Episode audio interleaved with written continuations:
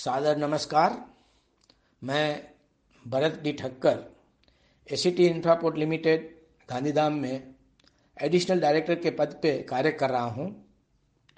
Story mirror ने हम सब कॉरपोरेट एम्प्लॉय को एक अच्छा प्लेटफॉर्म दिया है for joy of thinking differently इतने अच्छे प्लेटफॉर्म का उपयोग करके मैं, मेरा एक ऑडियो प्रस्तुत कर रहा हूँ। बात जब जॉय की हो तो हास्य कविता सबको भाती है। तो प्रस्तुत कर रहा हूँ, मेरे द्वारा ही लिखी गई एक हास्य कविता, जिसका नाम है बाल का अकाल। लुत्फ उठाइए इस हास्य कविता का। सर पे मेरे बाल का अकाल है, सर पे निकला चाँद, कहते हैं टाल है। आईना मुझे रास नहीं आता, आईना मुझे रास नहीं आता, टाल से ज़िंदगी में मची बवाल है। टाल ने मेरा वो हाल किया, भरी महफिल में मलाल किया।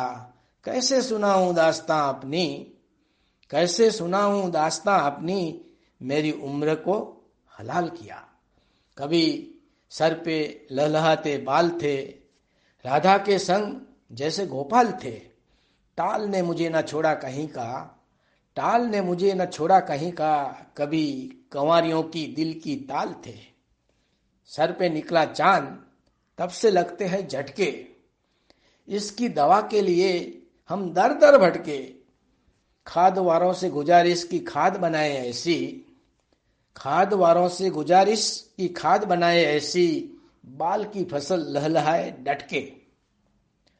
टाल की बात क्यों है कमाल की? मेरी बात से लोगों ने क्यों धमाल की? एक बात बताओ मुझे यारो। एक बात बताओ मुझे यारो, मैंने बाल की खाल निकाली या टाल की? बचे खुचे बालों को बचाने की जहमत जारी है। बाल और टाल की ये जंग भारी है। आप भी बच के रहना यारो। आप भी बच के रहना यारो। आज हमारी तो कल आपकी बारी है। धन्यवाद।